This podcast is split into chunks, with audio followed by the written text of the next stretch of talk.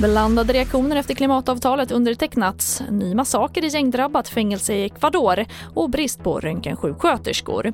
Ja, här är TV4-nyheterna och vi börjar med klimatmötet i Glasgow som avslutades igår kväll och beskrivs som historiskt av en del medan andra är kritiska för att mötet inte lyckades få ner användningen av fossila bränslen tillräckligt mycket. Vår reporter Susanna Baltsevski är på plats i Glasgow.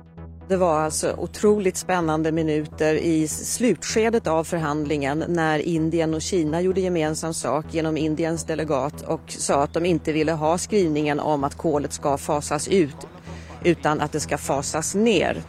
Och det är klart att det är en, en, en nervattning kan man säga men de facto så står det kvar fortfarande för första gången att fossila bränslen är det som orsakar klimatförändringarna som vi alla lever med för närvarande. Så det är ändå historiskt på det sättet. Och mer om det här kan du se på tv4.se.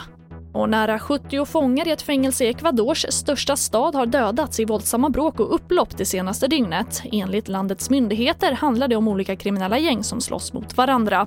Flera skjutvapen ska hittats i fängelset efter att specialpolis satts in för att få slut på våldsamheterna.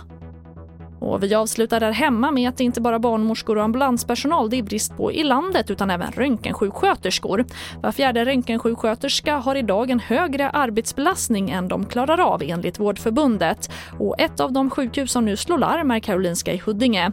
Karin Tellin, omvårdnadschef i radiologi efterfrågan på röntgenundersökningar och behandlingar har ökat väldigt mycket och personalförsörjningen har inte ökat i samma takt.